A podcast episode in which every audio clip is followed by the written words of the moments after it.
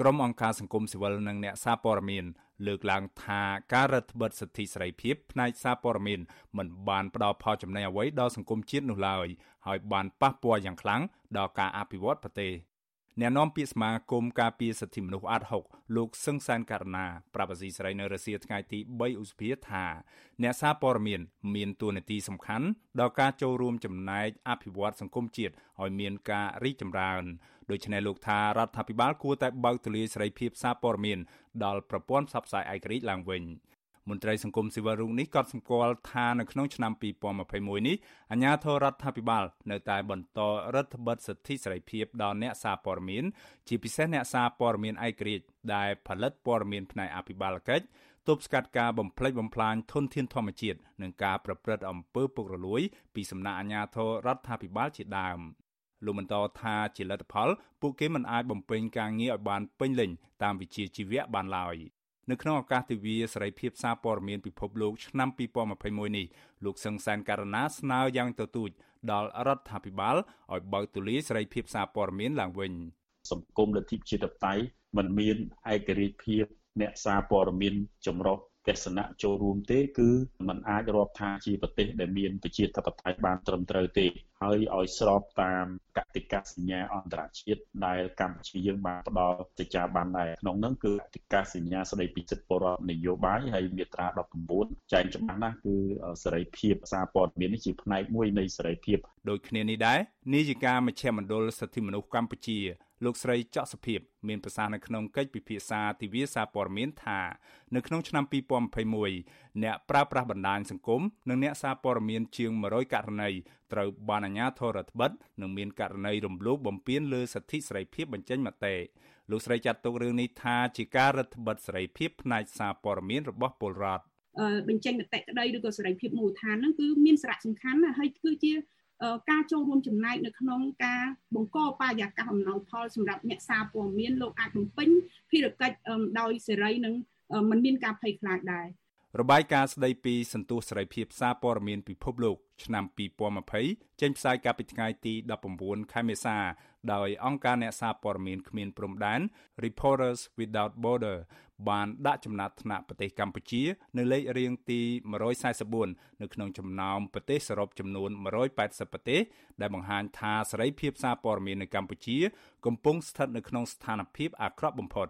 ការដាក់ចំណាត់ថ្នាក់ថយចុះនេះគឺជាការឆ្លើយតបទៅនឹងសកម្មភាពរបស់អាជ្ញាធរនៃរដ្ឋាភិបាលក្រុងភ្នំពេញដែលនៅតែបន្តរដ្ឋបិទសេរីភាពសារព័ត៌មានដោយការចាប់ខ្លួនអ្នកសារព័ត៌មានដាក់ពន្ធនាគារការគំរាមកំហែងនិងការប្រើប្រាស់ច្បាប់ព្រហ្មទណ្ឌប្រឆាំងទៅនឹងអ្នកសារព័ត៌មានជាដើមទាក់ទងនឹងបញ្ហានេះអ្នកនាំពាក្យក្រសួងព័ត៌មានលោកមាសសុភ័ណ្ឌនៅតែមានប្រសាសន៍ដោយការពីលើកមុនមុនថា កម្ពុជាគ្មានការរដ្ឋបិទសិទ្ធិសេរីភាពសារព័ត៌មាននោះទេមិនតែប៉ុណ្ណោះលោកបានអះអាងថាមួយរយៈចុងក្រោយនេះសេរីភាពសារព័ត៌មាននៅកម្ពុជា កំពុងតែបោះជំហានទៅមុខយ៉ាងរលូនដែលក្នុងនោះមានដូចជាស្ថានីយវិទ្យុទូរទស្សន៍កាសែតនិងសារព័ត៌មានអនឡាញបានកើនឡើងជាច្រើនជាងនេះទៅទៀតលោកថាបរិមាណអ្នកព័ត៌មានក៏មានចំនួនកើនឡើងច្រើនផងដែរតើអ្នកសារព័ត៌មានទាំងនោះគាត់បានប្រព្រឹត្តខុស ដោយដែលអាជ្ញាធរបានចោទប្រកាន់ដែរឬតើលោកលោកស្រីបានពិនិត្យទៅនឹងអង្គហេតុអង្គច្បាប់នៃករណីនីមួយនីមួយបានត្រឹមត្រូវហើយឬនៅតើអស់លោកលោកលោកស្រីដែលបានពិនិត្យទៅលើរឿងនោះបានចូលរួមគ្រប់ទស្សនវិជ្ជាទៅតាមនីតិវិធីច្បាប់ហើយឬនៅទើបធ្វើការវាយតម្លៃសន្និដ្ឋានទៅលើករណីនីមួយនីមួយលោកនាយករដ្ឋមន្ត្រីហ៊ុនសែនក៏បានចេញសារលិខិតអបអរសាទរទិវាសេរីភាពសារព័ត៌មានពិភពលោកលើកទី28នេះដែរ លោកហ៊ុនសែនបញ្ជាក់ក្នុងសារលិខិតដោយទទួលស្គាល់ថាសារព័ត៌មានពិតជាមានសារៈសំខាន់ដល់សាធារណជនហើយលោកក៏អំពាវនាវដល់អ្នកសារព័ត៌មានទាំងអស់ឲ្យប្រឹងប្រែងផ្ដល់ព័ត៌មានពិតទៅដល់ពលរដ្ឋជាបន្តទៀតជាពិសេសនៅក្នុងអំឡុងពេលរាតត្បាតនៃជំងឺ Covid-19 នេះ ទោះយ៉ាងណាអ្វីដែលកំពុងកើតឡើងនៅកម្ពុជានេះគឺរបបលោកហ៊ុនសែនមិនបានផ្ដល់សេរីភាពនិងការពារអ្នកសារព័ត៌មាននោះឡើយដោយចាត់ទុកអ្នកសារព័ត៌មានឯករាជ្យជាសត្រូវនិងបង្ក្រាបឥតឈប់ឈរទោះយ៉ាងណានាយកប្រតិបត្តិសម្ព័ន្ធអ្នកសារព័ត៌មានកម្ពុជាឬហៅកាត់ថា Cambodia លោក Novi លើកឡើងថាការកើនបរិមាណអ្នកយកព័ត៌មាននិងស្ថាប័នផ្សព្វផ្សាយ ពុំមែនជាសេរីភាពសារព័ត៌មាននោះឡើយពីព្រោះសារព័ត៌មាននិងស្ថាប័នទាំងអស់នោះភាគច្រើនគ្មានវិជ្ជាជីវៈនិងផលិតព័ត៌មានលំអៀងទៅរដ្ឋាភិបាលអ្នកជំនាញសារព័ត៌មានរូបនេះក៏សម្គាល់ថាក្នុងរយៈពេល4ឆ្នាំកន្លងមកនេះសេរីភាពសារព័ត៌មាននៅតែរងការធ្វើទុកបុកម្នេញពីសំណាក់អាជ្ញាធររដ្ឋាភិបាលដដែល អ្នកសារព័ត៌មានមួយចំនួនដែលគាត់ទៅយកព័ត៌មានរឿងការកាប់បំផ្លាញព្រៃឈើរឿងកន្លែងលេងលបែងខុសច្បាប់ដូចជាជលមន់នេះសិតតែកន្លែងលេងលបែងខុសច្បាប់ហើយហើយត្រូវបានគេវាយដំបែកមុខបែកមាត់ហើយជាលទ្ធផលគឺជនល្មើសហ្នឹងគឺមិនមាននរណាម្នាក់ត្រូវចាប់ខ្លួនយកមកដាក់ពន្ធនាគារឬឲ្យមកទទួលខុសត្រូវផ្នែកច្បាប់ទេហើយយើងដឹងថាអ្នកដែលចូលរួមអ្នកដែលគ្រប់គ្រងចំពោះអំពើល្មើសហ្នឹងគឺមានជាប់ពាក់ព័ន្ធជាមួយនឹងមន្ត្រីអាជ្ញាធរមូលដ្ឋានឯទៀត ដោយឡែកអ្នកយកព័ត៌មានខ្មែរក្រោមនិងជាអតីតអ្នកយកព័ត៌មាន Visual Asia ស្រីលោកយាងសុធិរិនថ្លែងថាសិទ្ធិសេរីភាពសារព័ត៌មាន នៅតែបន្តរឹតបន្តឹងខ្លាំងដដែល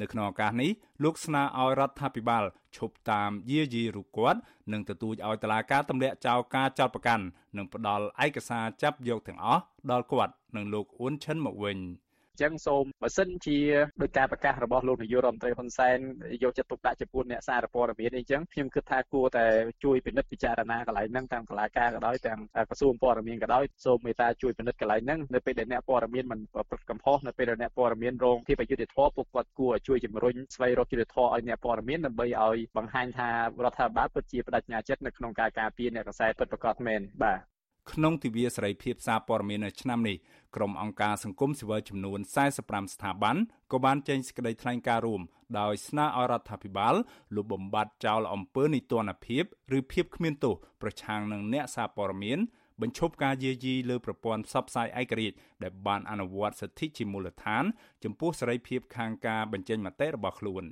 ជាមួយគ្នានេះការិយាល័យឧត្តមស្នងការអង្គការសហប្រជាជាតិទទួលបន្ទុកសិទ្ធិមនុស្សនៅកម្ពុជាក៏បានចេញសេចក្តីថ្លែងការណ៍នៅថ្ងៃទី3ខែឧសភា ថាសេរីភាពសារព័ត៌មានដែលគ្មានការរដ្ឋបិទនិងឯករាជ្យគឺជាមូលដ្ឋានគ្រឹះនៃសង្គមប្រជាធិបតេយ្យ ការិយាល័យឧត្តមស្នងការអង្គការសហប្រជាជាតិទទួលបន្ទុកសិទ្ធិមនុស្សនៅកម្ពុជាពិនិត្យឃើញថាអ្នកសារព័ត៌មានតែងតែប្រឈមមុខនឹងការវាយប្រហារការគំរាមកំហែងការយាយីនិងការចោទប្រកាន់ផ្នែកព្រហ្មទណ្ឌដោយសារតែការងាររបស់ពួកគេ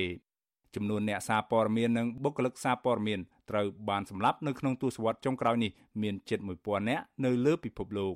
ចំនួនដ៏គួរឲ្យរន្ធត់នៃការវាយប្រហាររួមមានតាមរយៈតួអង្គរដ្ឋ ក្រុមប្រដាប់អាវុធឬក្រុមក្រិតជន គឺមានលក្ខណៈកាចសាហាវដូចជាភាពអសកម្មដែលពួកគេបានជួបប្រទះ